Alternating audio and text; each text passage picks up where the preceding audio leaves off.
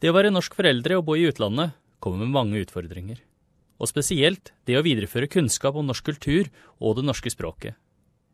Mange foreldre gjør så godt de kan med å prate norsk hjemme, lese norske bøker og se filmer på norsk. Og noen er heldige nok til å bo i nærheten av andre norske barnefamilier. Men det er ikke alltid det er nok, og mange har satt stor pris på tjenestene til globalskolen og norskskolen. Men Line Argyle er en norsk mor som sier globalskolen har vært en uvurderlig ressurs for hennes familie. Hun har tre barn som alle lærer norsk via globalskolen. Jeg har eh, Oskar, en gutt på ti år, som går på femte trinn på globalskolen nå. Og så har jeg to tvillingjenter, Alex og Selma, som er åtte år og som går i tredje trinn. Dere bor i Perth her i Australia. Hvor lenge har dere bodd der? Vi har bodd i Australia i fire år.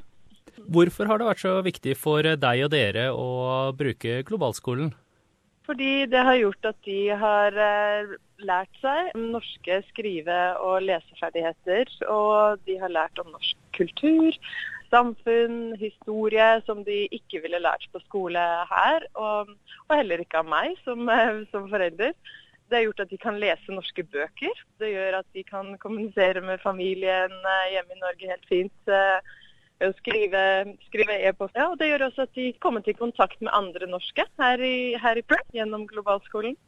Hvor, hvor, stor betydning eh, har det hatt?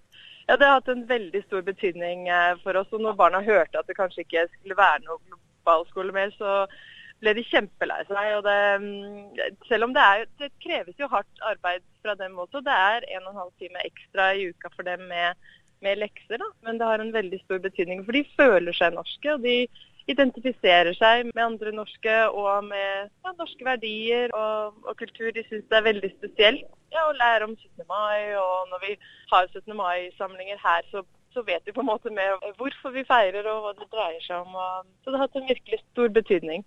Og hvilke andre måter bruker du for å lære eller gi barna eksponering eh, mot det norske språket? Vi snakker norsk hjemme, og vi leser eh, norske bøker. Og så blir det, Vi har sett eh, litt på, på NRK, på sånn NRK Super og fulgt med på julekalenderen for NRK og sånne ting. Og så er vi også sammen med andre norske familier eh, som vi kjenner her, med barn på samme alder. Kan du forestille deg å lære barna å snakke norsk eh, uten globalskolen? Nei, det tror jeg. Bortsett fra liksom å, å, snakke det, så tror jeg det, blir, det, er veldig vanskelig å få til for en som ikke er lærer. og Det blir jo da prøve å opprettholde med bøker, men jeg, jeg, tror på en måte ikke jeg kan gi dem det samme ordforrådet. og liksom Lærer om forskjellige religioner på norsk, lærer om bronsealderen og, og istiden. og Det er ikke akkurat noe jeg eh, husker så mye av heller fra min skolegang. Så det, nei, det, det hadde blitt veldig vanskelig. Hvis nå tjenesten til globalskolen kommer til å forsvinne, hva kommer du til å gjøre da? Da tror jeg Altså, jeg må jo bare gjøre mitt beste ved å opprettholde norsken deres ved å, snakke og fortsette å snakke norsk. Og som jeg har sagt, lese norske bøker, være sammen med andre norske så mye som vi kan. I forhold til konkrete tiltak sånn, så det har jeg ikke tenkt på. Hvis det eventuelt skulle gå til en løsning hvor de mister all støtten, men uh, har en fullbetalingstjeneste, er det noe dere ville vurdert da? Altså, Nå vet ikke jeg hvor mye det, det kommer til å være snakk om. Vi betaler jo allerede litt eh, i skolepenger, og det er, er helt greit. Men det, det, kommer jo an på hva slags pris det kommer på når man har tre barn. og Jeg, jeg vil i hvert fall prøve å jobbe hardt for at eh, vi ikke mister det tilbudet.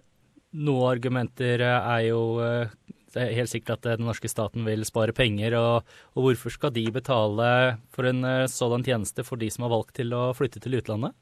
Ja, jeg synes, um, fordi det er veldig mange norske familier som flytter ut um, pga. jobb. Um, og de kommer også til å flytte tilbake igjen uh, til Norge bare etter noen år. Og for disse barna å kunne opprettholde liksom, norsk skolegang mens de er i utlandet, er en utrolig mulighet. Og jeg tror langsiktig kommer til å spare regjeringen for penger ved å de slipper å sette inn ekstra ressurser i, i de norske skolene når disse barna returnerer til Norge.